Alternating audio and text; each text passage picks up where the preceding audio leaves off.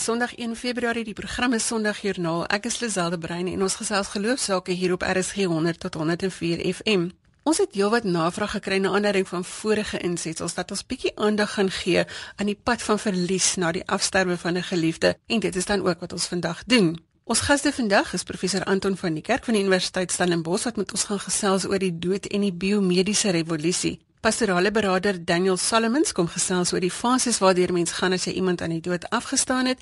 En pastoor Erik Hofmeyer kom vertel dan ook vir ons van sy seun se afsterwe. Laasens gesels Johan Adler oor sterwensbegeleiding en Dr. Janie Leroux gesels met ons oor ons verhouding met God en hoe ons ons geluk daarin kan vind.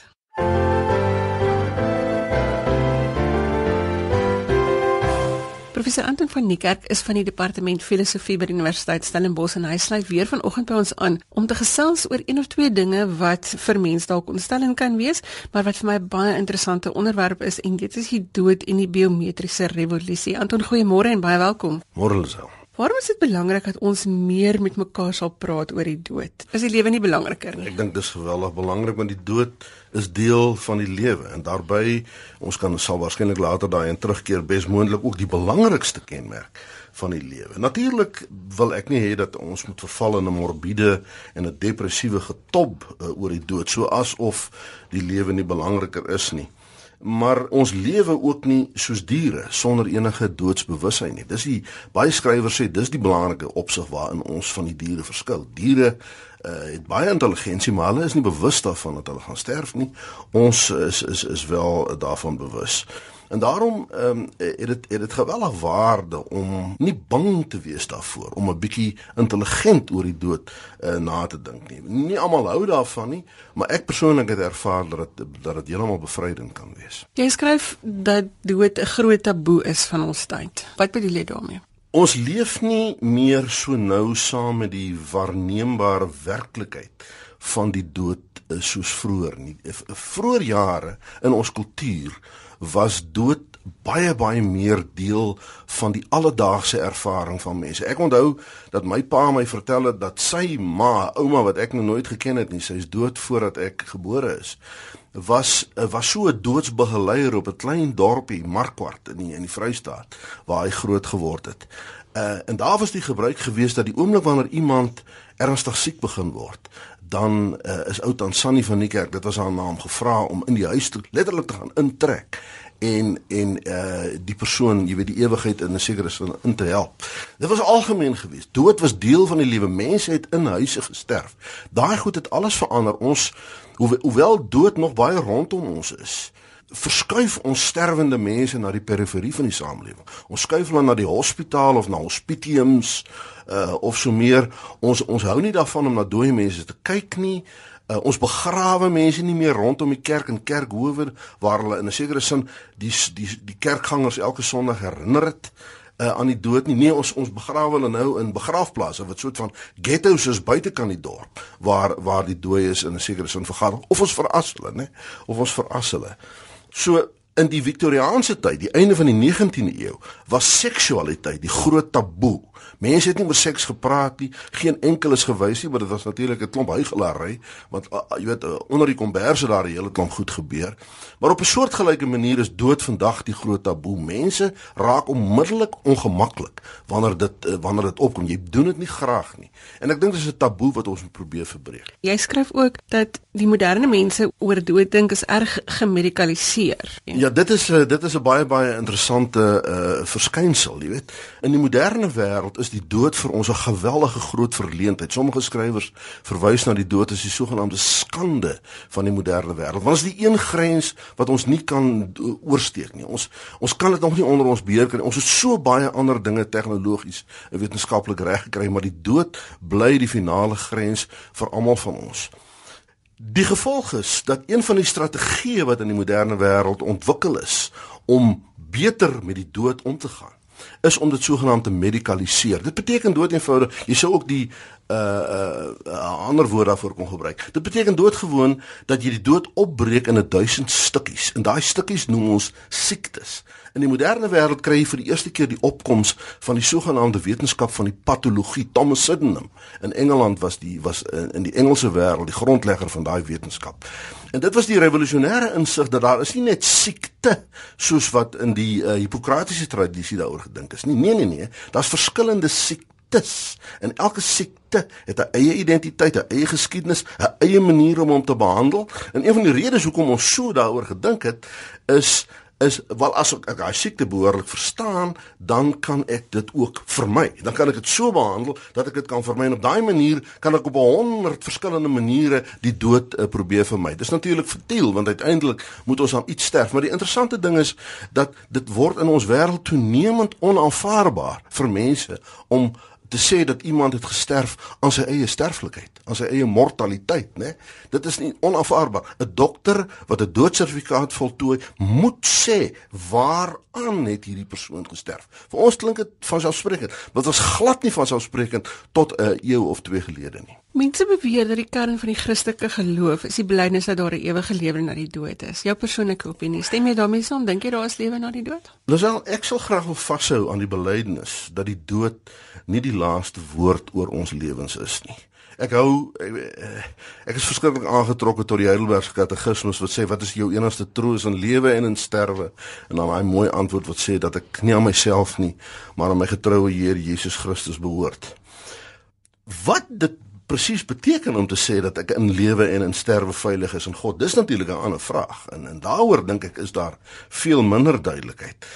Ek is byvoorbeeld glad nie so seker hoe houdbaar al die voorstellings wat ons in die geskiedenis van die kerk gekry het oor die lewe na die dood uh, nog is nie.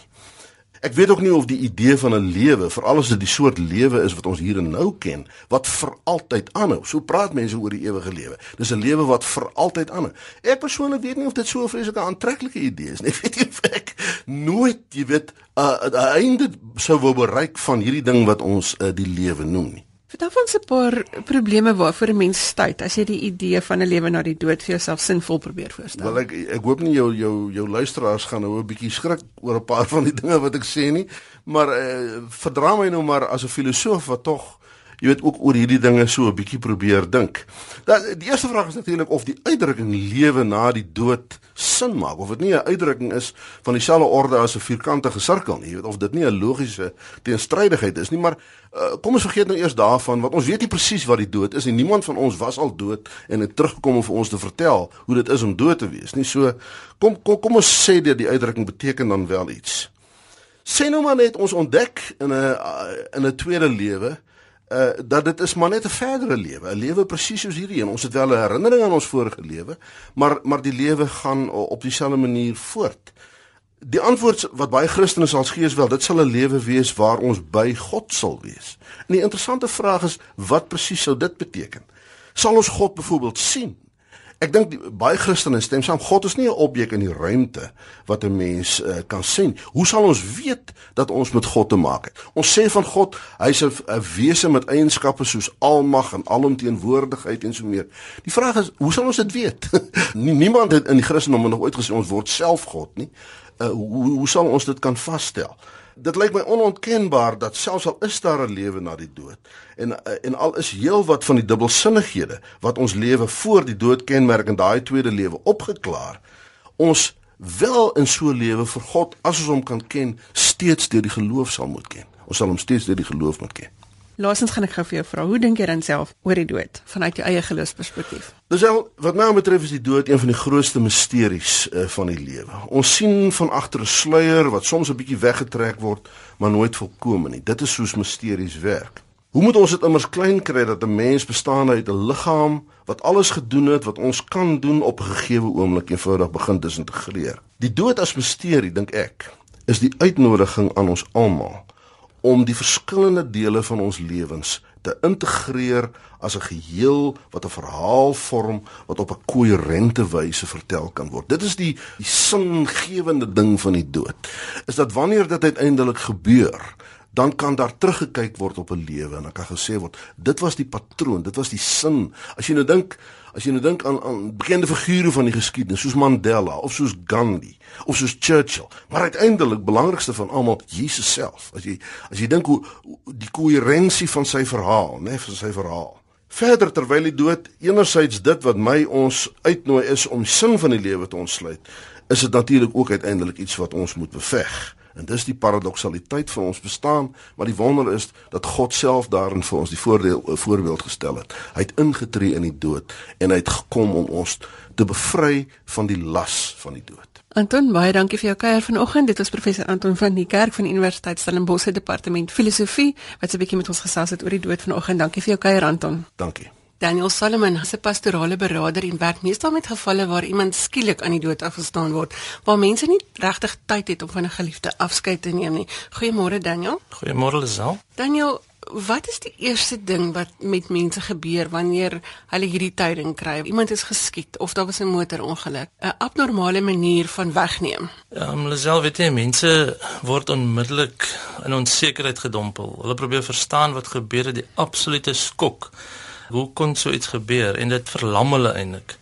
Mense is heeltemal uit die veld geslaan en is en, en voel soms magteloos. Hulle dit beheer verloor oor wat nou gebeur het. Wat is jou rol as beraader wanneer jy by hulle aankom? Lisel baie keer as jy by mense aankom dan dan sien jy die geweldige seer want jy sien die vrae in hulle oë want so skielike dood of skielike heengaan en en die lyding wat hulle ervaar bring mense bring meer dat mense se menswaardigheid en selfs God se getrouheid op die op die spel geplaas word en veral wanneer hulle skielike verlies verlies ervaar.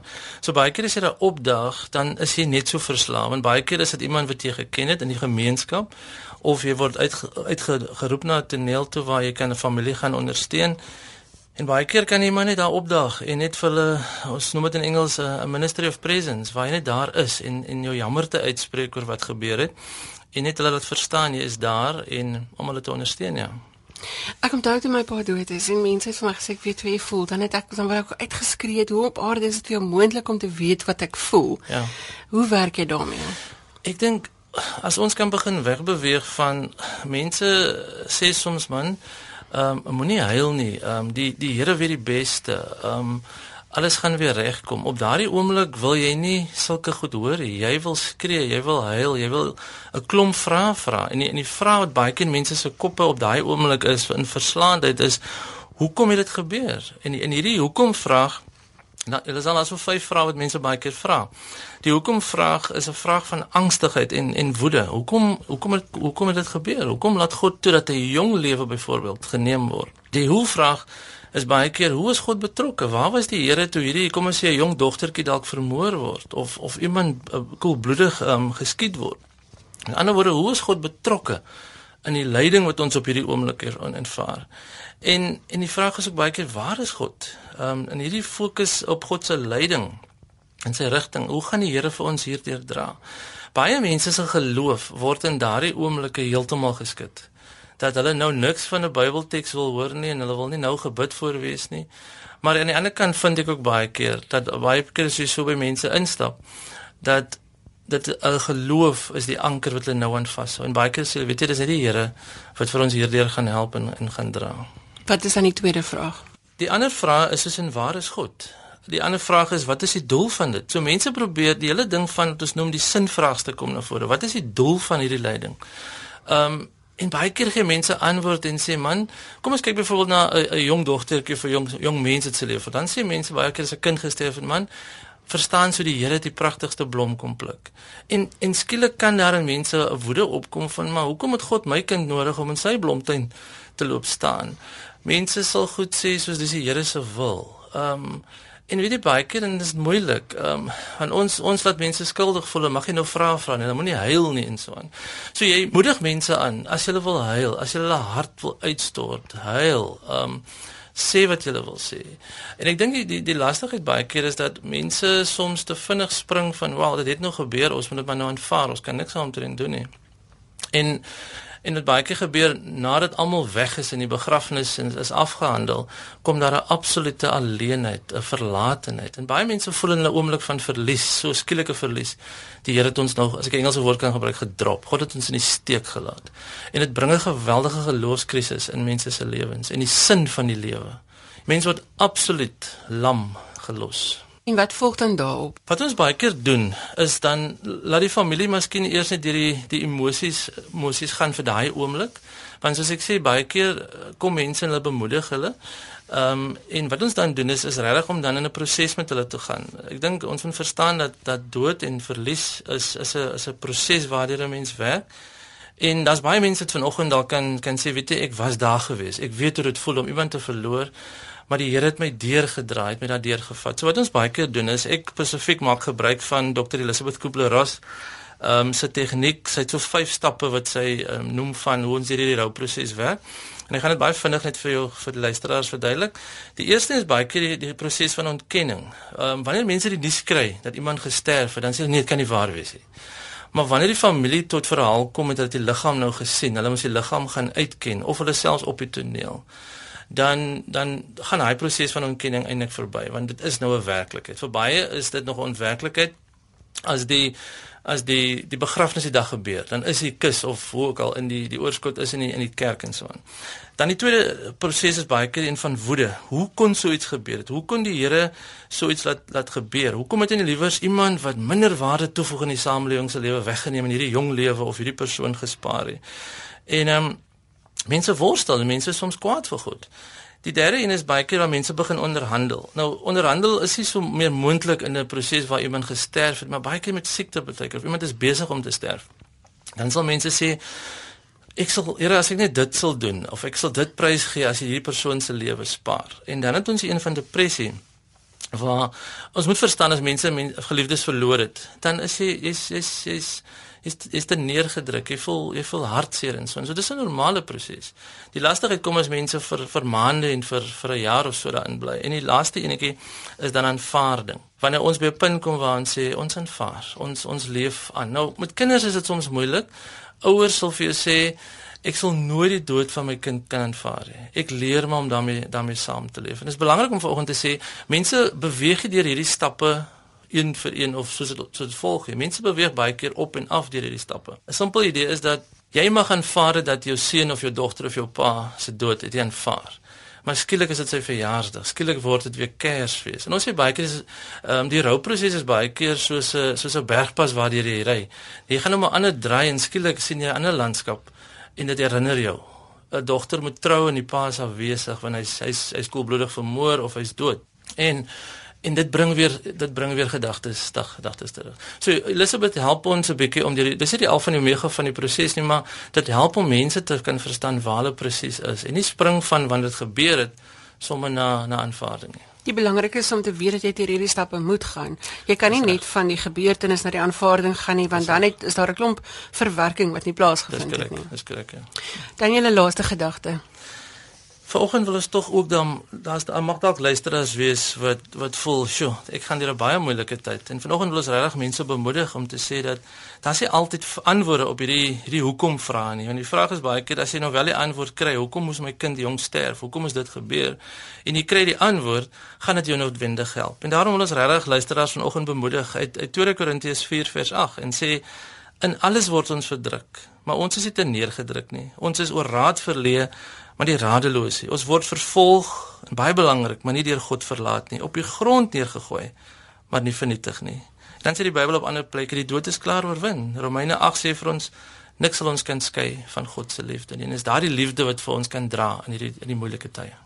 Dit was Daniel Salmons, pastorale beraader van Stellenbosch, en hy het met ons gesels oor die proses wat jy moet volg wanneer jy iemand aan die dood afgestaan het. Dankie Daniel dat jy vanoggend saam met ons gekuier het. Dankie Lisel, dankie luisteraars. Jy luister na RSG en die program is Sondagjoernaal. Ons hoor graag van jou en daar is 'n paar maniere hoe jy jou stem kan laat hoor. Stuur vir ons 'n SMS by 3343. Die SMS se kos R1.50 en gratis minute tel nie. Of jy kan vir ons 'n boodskap los op Sondagjoernaal se Facebookblad. Al die kontakinligting van vandag se program is ook op die webwerf by rsg.co.za. Vanoggend is pastoor Erik Hofmeyer van Kraaifontein by ons in die ateljee. Hy is ook die jeugdirekteur van die Westelike Provinsie Assosiasie van die Baptiste Kerk. Goeiemôre Erik. Goeiemôre weer eens en baie dankie. Erik, uh, jy het al 'n vorige keer vir ons vertel van jou werk in die tronk en van die bendelewe. Jou seun is 16 maande gelede doodgeskiet in 'n straat, heeltemal onnodiglik sinneloos. Ja, my seun se vriend het um, sy voertuig kom leen vir die oggend en hy is toe van een area na die ander area nadat hy dit moes gaan verkoop het. En die aand so by 5:00 bel hy my seun en sê daar's jong manne in die gemeenskap wat die voertuig wil afvat. En hy moet nou deurkom en hy verlaat my ouer huis op sy motorfiets en hy kom by die, die plek uit waar sy vriend en sy motor toe is met die, die bende jong mense. En hy neem toe die sleutels af en hy loop terug na die motorfiets toe. En een van die jong manne besluit om 'n vuurwapen uit te haal en hom twee keer neer te skiet. Wat maak 'n pa as dit gebeur? Amiel wêreld is onmiddellik omgekrap. Jy soek wraak as 'n pa, maar op daai oomblik nie net as 'n pa nie, nou staan ek ook as 'n pa vir my gemeenskap van ek is 'n pastoor en ek dra kennis wat ek preek van God se woord. Dis dieselfde gemeenskap waar ek my lewe voorgegee het vir die 28 jaar van ek bekeer is waar ek sokke seuns sokkeballe gegee het, sokke klere, werk in die skole in ehm um, ja op dieselfde gemeenskap se kinders en daai selfde gemeenskap neem my kind se lewe. En toe voel ek neem ek vra of trek ek nader aan die Here. Jy is te gekonfronteer met 'n ander situasie want uh, jy kom uit 'n bende wêreld uit en hierdie mense van jou gemeenskap het toe aangebied om wraak te neem. Ja, dit is die eerste oproep wat ek ontvang wat dit vir my aangebied is terwyl ek by my seun se liggaam sit. Kyk die oproep en sê Erik, ons weet waar jy staan in jou bekering. Ons weet jy's 'n man van wet en orde, maar ons wil aan jou betoon ons broederskap en wys dat die bende bedryf wat jy ken, het nie 'n hand in jou seun se dood nie. Dit is wannabes wat dit wel gedoen het. En toe moes ek vir hulle sê Nee, en dit is dieselfde vraag wat my my vrou en my dogters vir my vra. Hulle sê daddy, wat gaan jy doen? En daai 'n vraag wat my geruk het van daddy, wat gaan jy doen? Ja, want dit het sekere finansiële implikasies gehad. Jy met jou kind begrawe en hierdie mense sê ons sal vir alles sorg. Ja, en dis die belowende van 'n mens se gedagte. Die manne bring die geld. Hulle sê hiermee wil ons um, die vrede sluit en sê ons het dit nie uitbeveel nie, maar ons wil ons broederskap daarteenoor betoon en vir ons sê hier's die geld vir die begrafnisdienste. En en ek moet dit van die hand wys en ek sien hoe die Here se hand werk binne in 4 dae dat ek die geld wat die mense my aangebied het, hoe drie kerkmense met kerkorganisasie vir my sê Erik, um dit leep ons hart, ons wil jou bless en die plusse daarvan het die begrafnisdekking gebedek. Erik sê met ander woorde, jou kind is nie net dood nie. Daar's nou nog hierdie stryd tussen die goeie en die slegte wat ons nou beskou as mense wat aan die verkeerde kant van die gereg staan. Hulle kom bied aan om jou te help. Hoe lyk vergifnis? Is jy al daar? Kon jy hierdie hele proses verwerk? Ja, ek dink die eerste ding terwyl Mondrey so lê, daar vra ek myself as pa en as prediker, het Mondrey sy vrede met my God gesluit? Van die donderdag voor die geval besoek hy my by die kantoor en hy sê my daddy, onthou net ek is lief vir jou. En en dit is die liedjie wat hy vir my moet sing, sê vir my on eagles wings. En ons praat, ons praat, pan sien ons het alles op die tafel. Maar hy neem my in die geselskap daddy, die vrede van die Here oortref sy hart en sy kom en sy gaan. Maar terwyl ek sit by my seun se liggaam, kom die pastoor wat met Mondrey gesels het en hom sê dat Mondrey parkeer jou motorfiets net weg van my hekkie van ek gaan nou ek is op pad om uit te beweeg kerk toe.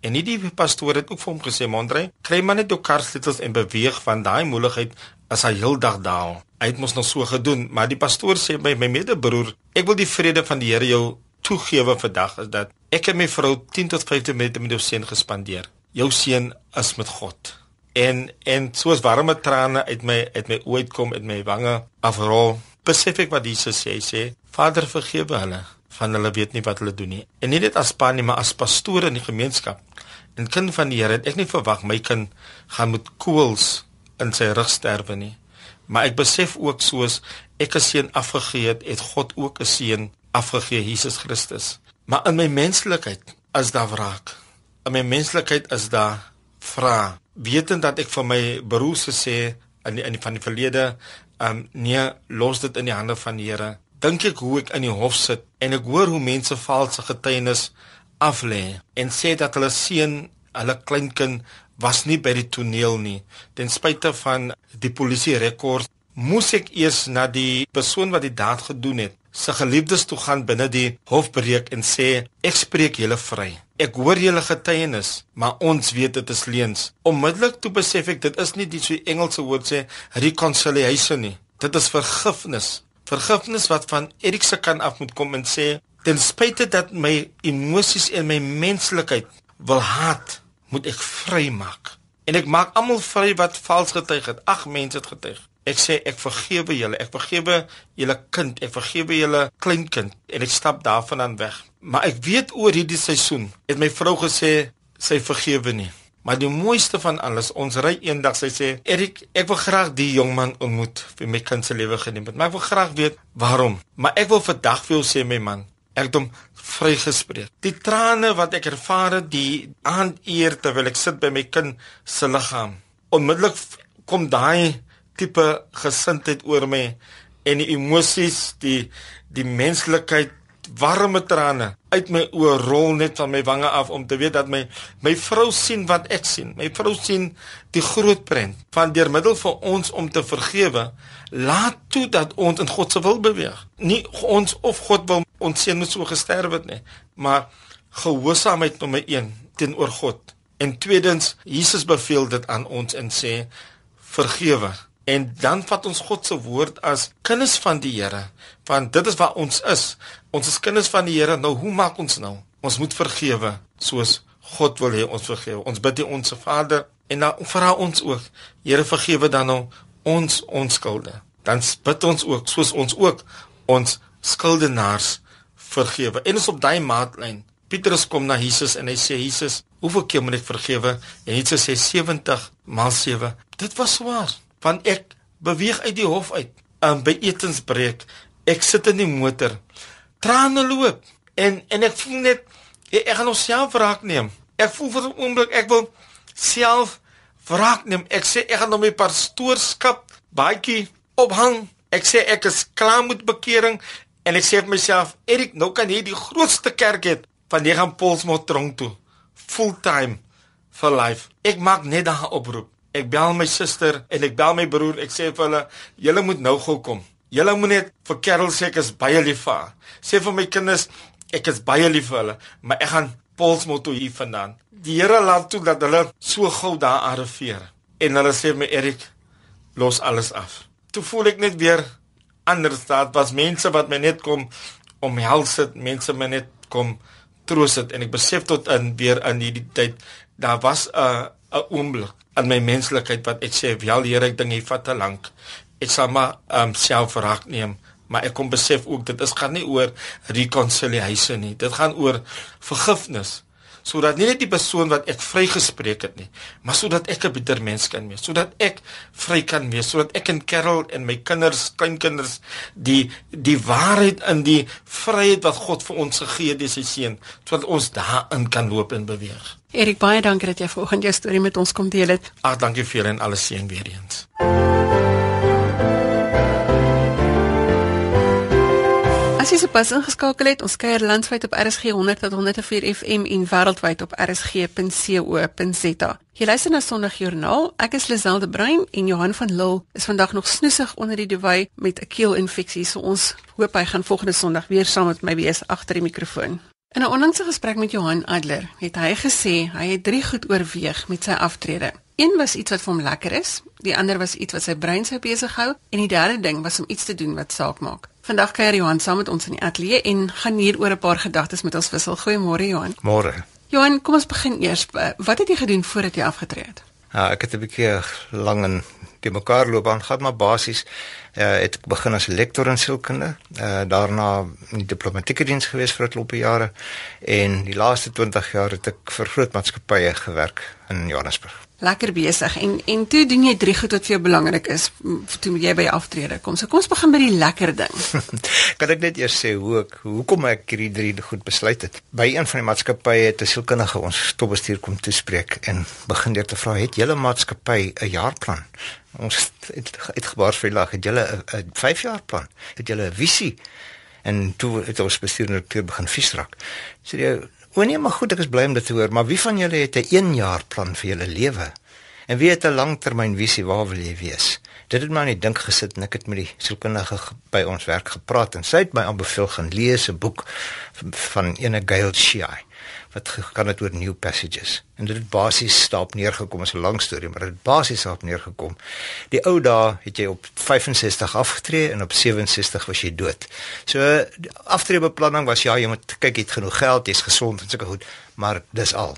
Nou tree mense vroeër uit diens en hulle lewe baie baie langer. So daar's 'n new passage, daar's nog 'n hele lewensfase wat jy moet vul. En hoe gaan jy dit vul? En toe ek begin en ek het vir my geliefde gesê kom ons gaan sit en ons praat hieroor. En ons het besluit ons wil daai drie dinge hê in ons aftrede. En die lekker ding. ek, ek wil gou daar begin. Okay, ons het albei 'n uh, groot belangstelling altyd gehad in Griekeland. Sy het haar meestersgraad gedoen oor 'n Griekse digter met die naam van Kavafi. Uh, Dis dis haar veld die tale en so aan. Ek het uh, as eerste jaar 'n klassieke kultuur gedoen en besluit ek wil verder gaan daarmee. Toe het ek begin met my tweede en my derde jaar in my meestersgraad gedoen. En ons het besluit die lekker ding gaan wees, ons gaan Griekeland besoek en vir lang tye. Ons het vir die afgelope 15 jaar uh, is ons so 2, 3 maande 'n jaar daar. So jy bly in Griekeland vir 'n gedeelte en dan kom jy terug Ja, Suid-Afrika ja. om 'n bietjie te werk. Ja. Die tweede ding wat jy wel gedoen het was jy was jy moes ook jou brein besig hou. Ja. Die twee skakel nog nou in mekaar want ons het toe besluit hoe gaan ons ons brein besig hou en soos ek sê ek het begin studeer en sy ook. Maar baie meer belangrik en groter probleem was natuurlik die Griekse taal want ons wou die taal magtig wees voordat ons daar opdag. Uh dit dit nie heeltemal so uitgewerk het 'n paar jaar gevat nog van harde studie in Griekland en nou is stel vlot en ek is vrot maar ek kan myself help. Solank as wat jy kan kos bestel is dit seker die belangrikste. Die belangrikste. en dan die laaste ding Johan en dis waarby ek 'n bietjie wil stil staan. Dit was die een ding wat 'n verskil moes maak. Ja. Vertel ons daarvan. Ja, ek het gevoel uh soos jy ouer word, kan is die moontlikheid daar dat jy sommer in die oggend in die bed bly lê want wat moet ek nou vandag doen? Dis niks wat ek moet doen nie. Uh en dis die begin van depressie en van die einde na my mening. En ek het besluit daarom moet jy iets doen wat werk waar jy moet werk is wat vir jou sê nou moet ek opstaan, ek het iets wat ek moet gaan doen. En omdat ek 'n agtergrond in sielkunde het, het ek na hospice gegaan in Johannesburg. Uh voor ek afgetree het en 'n 10 weke kursus gedoen. 'n uh, opskerpingskursus in berading en veral sterwensbegeleiding, maar ook rouberading, maar veral sterwensbegeleiding. En ek kan vir jou sê, in die afgelope 15 jaar het, doen ek dit nou. Uh en ja, in die oggend staan jy op en jy weet, ek voel nog nie so lekker nie, ek het hierdie pyn en daai pyn, maar as jy eers by jou kliënt was of die pasiënt was en dan kom jy huis toe dan sê jy net baie dankie Here. Mm, Dan vind 'n mens weer die vreugde in die Ja, lewe, nee, vir ja, alles wat ja. jy moet dankie sê. Ja. Jy, jy doen nie net sterwensbegeleiding Nee. nie. So met ander woorde, jy werk met mense wat afgetree is, net afgetree is. Nee, nee, meestal meestal maar in my kerkgemeenskap byvoorbeeld word daar mense na my verwys want omdat ek dit nou doen uh gratis jy weet mense wat nie kan sielkundige berading bekostig nie. Uh doen ek da daar heelwat werk maar ook veral uh met ou mense is heeltemal reg. En dan natuurlik met my kankerpasiënte. Dis die grootste deel gewees die afgelope tyd. Wat is die omvang van ou mense wat siek is? Wat hierdie sterwensbegeleiding moet moet Onthou daar's jong mense ook wat kanker het. En ek het ek het uh, mense van 30 en 40 wat ek ook berading mee moes doen, maar die die meerderheid is natuurlik ou mense. Uh dis moeilik om te sê daar's baie meer bewustheid, mense gaan vir toetse en so aan en die ou dae het mense gesê die ouds musiek gehoor en hy dood gegaan. Nee, daar is 'n groter bewustheid dink ek. En ek dink daar is ook 'n groei in in kanker, maar ek is nie 'n wetenskaplik nie en ek kan nie dit bewys nie.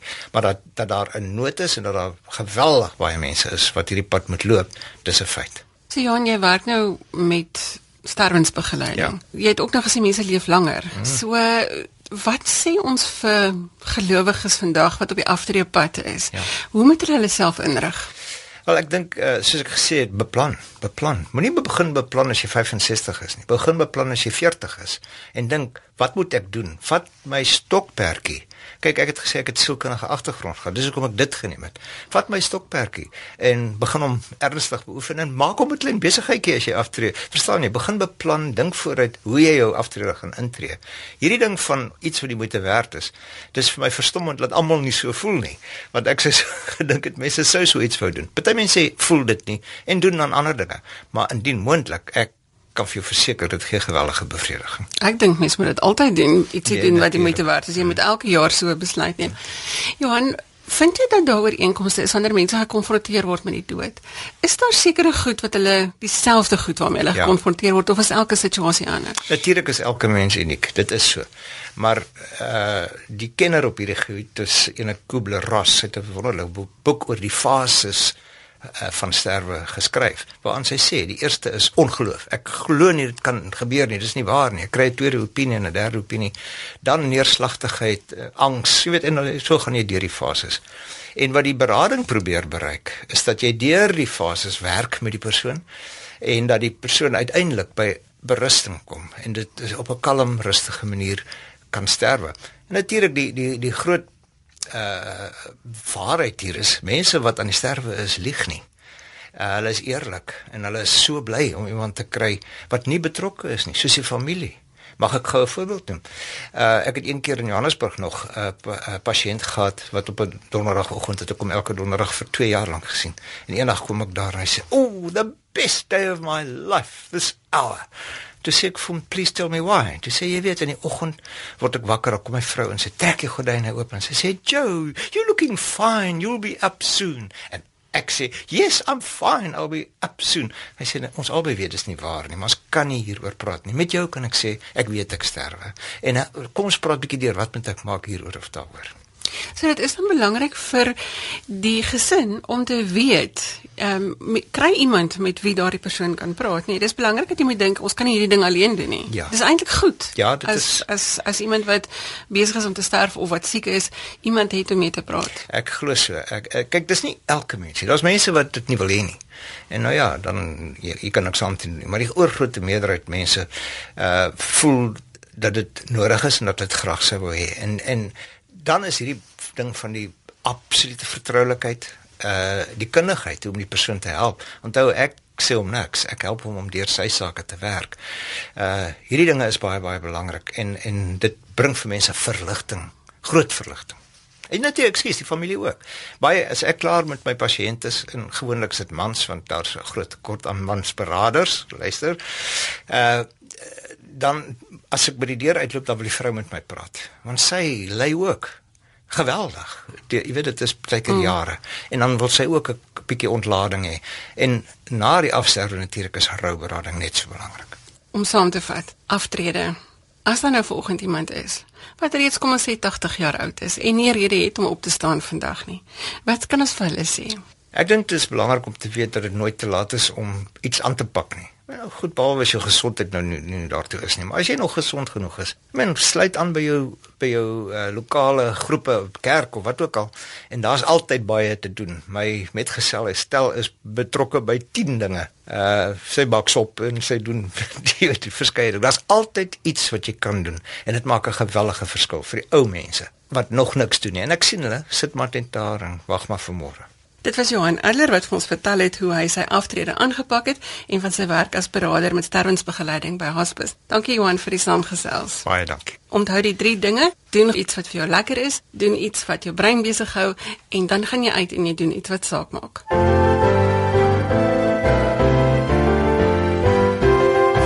Ons vra vanoggend vir Dr. Janie Leroux, ons bekende inspirasiespreker en hy's ook 'n skrywer om vir ons meer te vertel oor hoe jou lewensvreugde of geluk beïnvloed word deur 'n mens se verhouding met God. Goeiemôre Janie. Hallo, dis lekker om saam te wees. Janie, alle mense is nie altyd geïnteresseerd in 'n verhouding met God nie. Mis hulle dalk iets? Ek dink nogal so, oh, vir my as Jesus volgeling is dit mos nou uiteraard makliker om dit te sê, maar dit voel vir my mense verstaan nie dat hulle geluk elke dag lek nie. Jy staan so half op met 'n emmer vol geluk as jy nou gelukkig is en dan ergens hierdie dag is daar so spykers wat in daai emmer ingeslaan word, die goed lek en jy word gebombardeer en vanaand is hierdie emmer leeg en nou nou begin dit net al hoe leer raak. So jy staan al hoe leer in die oggend op. Op die eind voel jy uitgebrand, jy voel soos daai rot wat in 'n wielietjie hardloop, so dit wil net nie werk nie. En wat nog erger is, as dit begin gebeur, raak mense dikwels hier 3 uur in die nag wakker in stres en môre is hulle doodmoeg wanneer hulle moet opstaan om te gaan werk. En daai spykers wat geluk laat lê kan enige iets wees van die eise van enkel ouerskap. Dit kan armoede wees, dit kan wees dat ek bekommerd is oor my inkomste. Selfs die effek van misdaad. Weet jy as ek so um, in ons omgewing ry, die misdaad wat teen die lamppale uitgeblaker word. Dit by die ander kant kom is jou oerbrein al so aangeskakel, jy wil net vegvlug of vries. So ek dink regtig mense begin dan negatiewe waardes optel, hoe om hulle self te handhaaf. Hulle begin krities raak, hulle goed soos jaloesie kom na vore, gebreksmentaliteit, negativiteit. So om terug te keer na die punt, dit raak 'n bose spiraal wat almal rondom aftrek en dan sê mense, ek kan nie verstaan hoekom ek ongelukkig nie, want hulle kan nie die punt daarvan kry nie. Dis net 'n klomp punte wat bymekaar kom en dit maak. Nou ek dink ons samelewing het nodig dat ons 'n totaal nuwe kultuur skep waarin vreugde en vervulling, oorvloed, mentaliteit, hoop, waar gelukservaring, die lewensblyheid net weer na vore kom, waar ons die positiwiteit en die skoonheid net 'n bietjie optel, mekaar daarmee eerder help. Waar's geleenthede en genade vir mekaar gee, wat dankbaarheid en diensbaarheid handvat om saam net 'n wêreld te verander. Nou iets wat my nogal gehelp het was 'n aanhaling van Pierre Tyler de Chardin wat destyds gesê het, "We are not human beings having a spiritual experience. We are spiritual beings having a human experience. Ons verloor ons koneksie met die spirituele. So ons verloor ons koneksie met God. So wat mis mense in die samelewing op die ou end? Hulle mis 'n besef van die spirituele wat hulle eintlik kan help om meer gelukkig te wees. En dis nou kom ek weer terug na die punt toe om te sê As ons daai koneksie met God weer kan optel, dan gaan ons 'n breër en 'n oop toekoms beleef. Want vir God is alles moontlik. Ek wil die heelal is nog aan die ontwikkel. So wat is onmoontlik vir God? Dit gee betekenis en rigting aan ons lewe want ons het iemand wat verstaan wie ons is en waarheen ons gaan. Dit inspireer ons om die wêreld 'n beter plek vir mekaar te maak en vir mekaar ruimte te gee. Die son kan regtig op ons almal skyn. Want is God se son. Dit help ons om minder oor onsself te bekommer en minder oor onsself te dink. Nie minder van onsself te dink nie. Ek dink ons dink klaar te min van onsself. Ek praat nie van breikerigheid aan die ander kant nie, maar Ons is so behep met onsself aan die negatiewe kant. Hoe lyk ek? Ek kom kort, ek's te kort, ek's te lank, ek's te dik, ek's te maar. Ehm um, op die einde help die koneksie met God om meer oor God te dink, meer uit te reik na mekaar, meer vir natuur om te gee. So uiteindelik die koneksie van met God gee vir ons groter betekenis in die lewe want dit voel vir ons ons is hier met 'n rede. Dit voel vir ons ons vereer God as ons hierdie rede uitleef. Hoopelik kan ons nou sommer daai kultuur van vreugde skep met die mense wat vir ons luister vanoggend en ons ook terugvoer daaroor sê vir ons hoe julle jouself begin positief instel. Maar Janie, alle mense gaan nie gereeld kerk toe nie. Hoe kan hulle weer hierdie koneksie met God optel? As mens logies daaroor dink, is kerk toe gaan maar ongeveer 'n ure week. So met ander woorde, wat maak jy die res van daai ure in 'n week? En dis vir my belangrik om te hou dat mense kerk toe gaan want dit is 'n ander werklikheid wat ek as die res van die week ervaar. Vir my sien ek dit as 'n soort van 'n spanpraatjie waar ons hierdie koneksie met God weer beleef en waar God vir ons help om te verstaan, okay ouens, dis hoe julle julle lewe in fokus hou vir die lewensspel. So dis my belangrik dat mense daai uur bymekaar kom. Daar in daai koinonia, daai gemeenskap vir gelowiges is in elk geval 'n ander energie. Ehm um, dis die energie van die kragveld van die Heilige Gees waarin ons beweeg. Maar dit beteken nie dit hou op daar nie. Ons voed dit net by mekaar, ons koester dit by mekaar omdat ons saam vereer vir God. Maar wat nou van die ander ure van die week? Ek wil graag mense help dat hulle bly onthou hulle te spirituele kant van hulle lewe ook en dit deurspek hulle hele lewe op die ou. So mense moet besef ek het en is ook gees. Ek kan nie dit losmaak in die wêreld nie. So as ek kies om jou weer oop te stel om gereeld te let op hierdie spirituele gewaarwordinge wat jou help konnekteer met God. 'n Gewone goed kan jou help. Byvoorbeeld, Albert Einstein was omtrent so 4 of 5 toe sy pa vir hom 'n kompas gewys het. En hy was ontsettend opgewonde hieroor. En spontaan het hy begin wonder hoekom beweeg die naald op 'n sekere manier. Waarom sou dit so doen? En sy ervaring tot op daai oomblik was as jy iets aan aan die beweeg wil kry, moet jy self daaraan raak. Anders te beweeg dit net eenvoudig. En hier beweeg die naald oënskynlik van self. So hierdie ervaring het so indruk op hom gelaat. Hy het jare daarna nog vertel van die indruk wat by hom in sy lewe gebly het. Want dit het hom laat wonder, is daar nie dalk iemand of iets agter alles nie? As gevolg daarvan wou hy weet, wat is God nou besig om te dink? Nou almal het iets wat jou kan herinner aan God raak net bewus van daai spirituele gewaarwording van die oomblik. Ons is nou nie almal so slim soos Albert Einstein nie. Vereis dit buitengewone vermoëns of intelligensie om hierdie koneksie met God te hê? Ja, gelukkig nie. Ek dink ons uh, meeste van ons is nie in daai liga nie. So ons hoef nie so slim soos hy te wees nie, maar al wat ons nodig het is 'n openheid, 'n bewuste keuse om oop te wees vir goddelike aanrakings. Byvoorbeeld as iets moois jou opval of as iemand se besondere vermoëns jou aanraak. Hierdie wat die mense so sing by something's got talent al daai goede. Wie as daai mense iets besonders doen, dan voel jy mos hoendervleis, jy, jy ervaar iets anders. Dis goddelike aanrakings. As die natuur jou anders laat voel, as jy 'n aha oomblik in jou studies het of net meer gesleur word deur fantastiese musiek of 'n skildery waardeer of oorweldigende dankbaarheid ervaar of die goeie dade van iemand bewonder of iets of iemand wat jou inspireer ervaar, dan vra jy net waarmee is God hier besig. Dan wil jy erken God in hierdie hele eh, situasie. Waarvan wil God my bewus maak?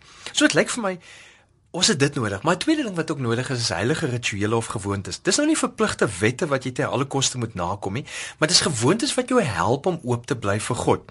Goed soos om te bid en met God te gesels, om die Bybel te lees as O, waarmee is God hier besig? Wat wil God my help? Eredienste by te woon, van jou geld te gee vir die goeie, 'n geestelike joernaal te begin skryf, om soms te vas van dinge, veral van media en koneksie met al hierdie media goed om jou te herinner aan God, om in dikwels in 'n klein groep van gelowiges te wees, om geestelike musiek te luister, om 'n pelgrimstog aan te pak. En jy hoef nou nie Spanje toe altyd te gaan daarvoor nie. Jy kan doodgewoon net om jou blok loop, maar diep bewus God is hier saam met my om diens te lewer sonder vergoeding. Nou al hierdie geloofspraktyke help mense om bewus te bly. God is lewendig, God is werklik en in hierdie wêreld besig.